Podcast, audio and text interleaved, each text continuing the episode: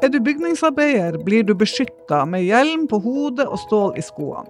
Men hva om du får en pasient i fanget, eller en sint pårørende, eller en elev på nakken? Det fysiske arbeidsmiljøet er godt regulert i Norge, men hva med det psykososiale arbeidsmiljøet? Situasjonen i dag, særlig for de ansatte som jobber med og for folk, blir klart dokumentert i siste nummer av Unio Perspektiv, som du finner på unio.no. Men hvordan skal vi gå fram for å få endringer? Det skal vi snakke om i denne episoden av Unio podkast. Og den beste til å svare på det er Unios advokat og fagsjef, som jobber med disse tingene til daglig, og det er deg, Henrik Dale. Velkommen. Takk, Nora. Du, først, hva, hva mener vi når vi snakker om psykososialt arbeidsmiljø? Ja, det er nok en oppfatning der ute på den enkelte arbeidsplass, altså at det psykososiale arbeidsmiljøet det handler mye om de mellommenneskelige relasjonene hvordan vi har det med hverandre, rett og slett. Altså sånn om vi trives på jobb, da. Eh, mange forbinder nok også det psykososiale arbeidsmiljøet med fredagskaffe, trening i arbeidstid og andre eh, velferdsgoder. Men det psykososiale arbeidsmiljøet det består altså mye, mye mer. Blant annet eksempler kan være da emosjonelle krav som stilles i, i jobben. Typisk altså en sykepleier altså som har eh, pasienter og pårørende man forholder seg til i det daglige. En lærer altså, som kan ha vanskelige elever, kan til og med bli utsatt for, eh, for vold.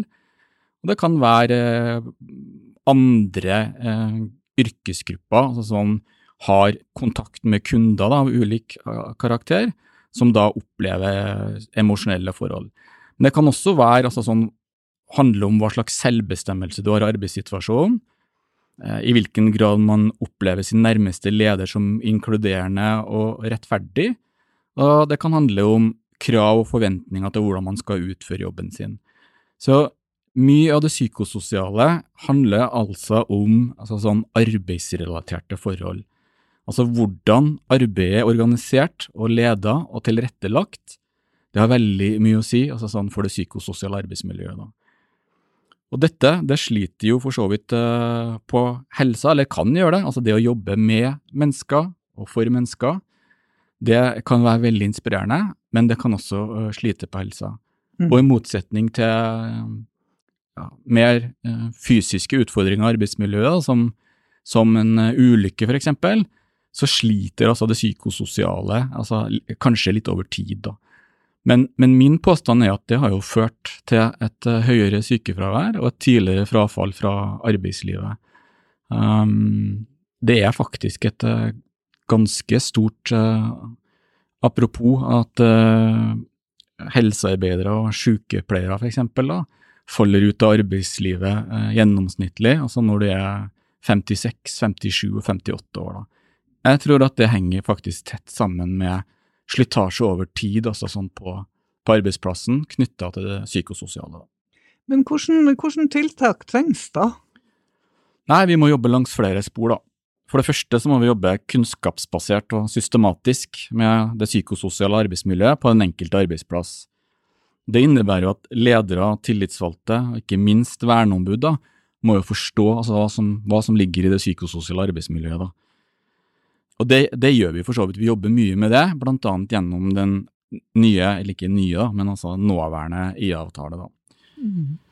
For det andre så er jo Unio veldig opptatt av at vi trenger bedre lovregulering altså av feltet. Da. Det gjelder både altså en bedre eh, bestemmelse i arbeidsmiljøloven om det psykososiale arbeidsmiljøet, men ikke minst så gjelder det at vi må få en egen forskrift altså om dette på, i i lovverket. Da. Vi har seks arbeidsmiljøforskrifter.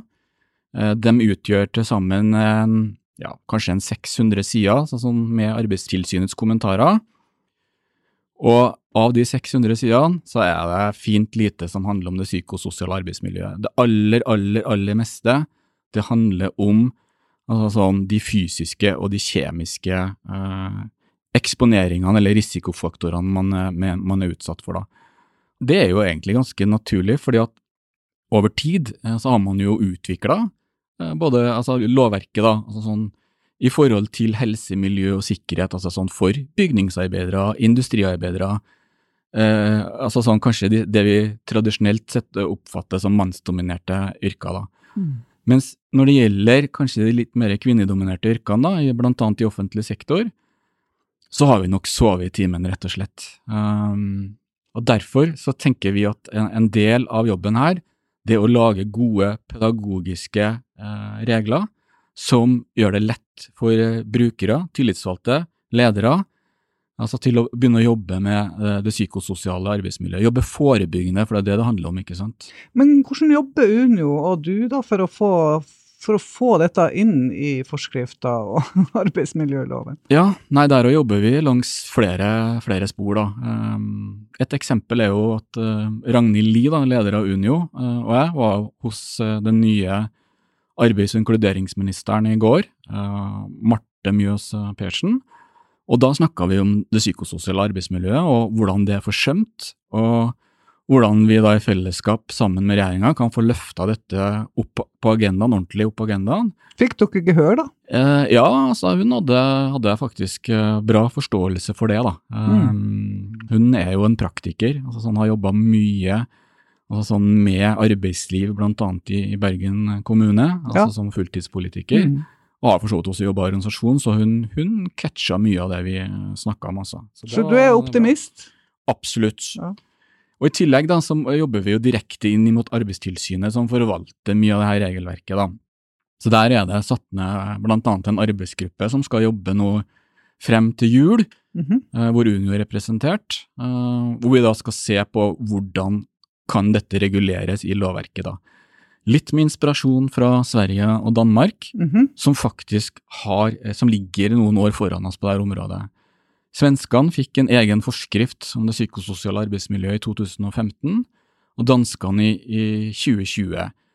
Og Begge de forskriftene tar opp i seg mye av eh, disse risikofaktorene som forskningsmiljøene i Norge og i Norden da, for øvrig er opptatt av. Da. Så der har vi litt inspirasjon å hente. da. Mm. Men, eh, men, samtidig så er det klart at dette er ikke noe, det er ikke noe lett jobb, og det tar tid. Men hvis vi, hvis vi, er dyktige, så kan det hende at vi har en, en ny bestemmelse i arbeidsmiljøloven og en ny forskrift på plass til sommeren 2023, wow. kanskje. Yes, det var ikke verst, da. Men, men altså, hvis det nå går igjennom, da. Eh, hvem må involveres for å Altså, hvordan skal man gjøre dette i praksis, dette HMS-arbeidet? Når noen forskrifter og sånt er på plass? Ja, nei, en forskrift og ny lovbestemmelse, det endrer jo ikke Det endrer jo for så vidt ikke noe altså, i seg selv. Altså, det, må jo, uh, det, må jo, brukes, ikke sant? Ja. Uh, og det må jo kombineres med veiledere, det må kombineres med godt forskningsarbeid. Og det er jo på den enkelte arbeidsplass altså, sånn man må jobbe forebyggende med det her. da. Det har vi jo for så vidt satt litt, i, litt ut i liv da, gjennom den IA-avtalen som vi har nå. Blant annet så er jo disse bransjeprogrammene som er innretta altså blant annet mot uh, sykehus, sykehjem og barnehage, har et veldig fokus på det psykososiale. Mm. Men, men, det må jobbes med uh, på den enkelte arbeidsplass, og da, som jeg sa her i sted, det som er helt sentralt, er jo at du har ledere, tillitsvalgte og verneombud som skjønner hva dette handler om, da, og som er i stand til å sette dette i system. da. Og så tror jeg vi må ha eh, Statens arbeidsmiljøinstitutt, STAMI, må også skikkelig på banen her i forhold til det med å, å bidra til altså sånn å eh, lage for så vidt også sånn noen mål for hvordan man kan oppnå altså et godt arbeidsmiljø, et fullt forsvarlig arbeidsmiljø, et helsefremmende arbeidsmiljø, altså knytta til det psykososiale. da. Mm. Er det mulig f.eks. å måle disse emosjonelle utfordringene som man møter i, i sitt virke, ikke sant? Mm. Um, er det mulig? Gjør man det i Sverige og Danmark? Det, det veit jeg faktisk ikke. Uh, men uh, blant annet i, i mannsdominerte yrker, da, som for eksempel uh, brannmenn, mm. der vet jeg jo at man er ganske flink altså sånn Når man har opplevd opplevd ganske tøffe og kritiske situasjoner på arbeidsplassen sin da, i forbindelse med store branner osv., så, videre, så så de er flinke til å ta eh, debrief, blant annet, ikke sant, og bruke arbeidstida til det. De har satt dette i system, da. Ikke så sikker på at man gjør det samme på et sykehus hvis det dør en pasient, for eksempel.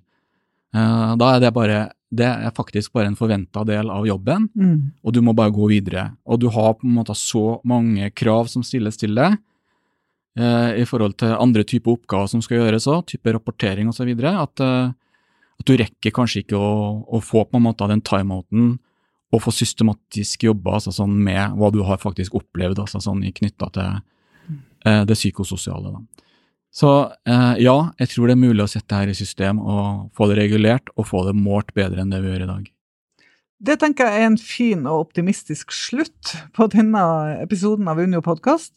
Vi tror altså at psykososiale belastninger endelig blir bedre regulert, og at det etter hvert er opp til oss, våre tillitsvalgte og ikke minst arbeidsgiverne, da, til å få et HMS-arbeid ut i praksis når eh, disse forskriftene og lovverk og sånt er på plass. da. Takk for at du kom, Henrik, og opplyste oss om dette. Flere Unio-podkaster finner du der du hører podkaster, eller gå inn på unio.no slash podkaster. Vi høres.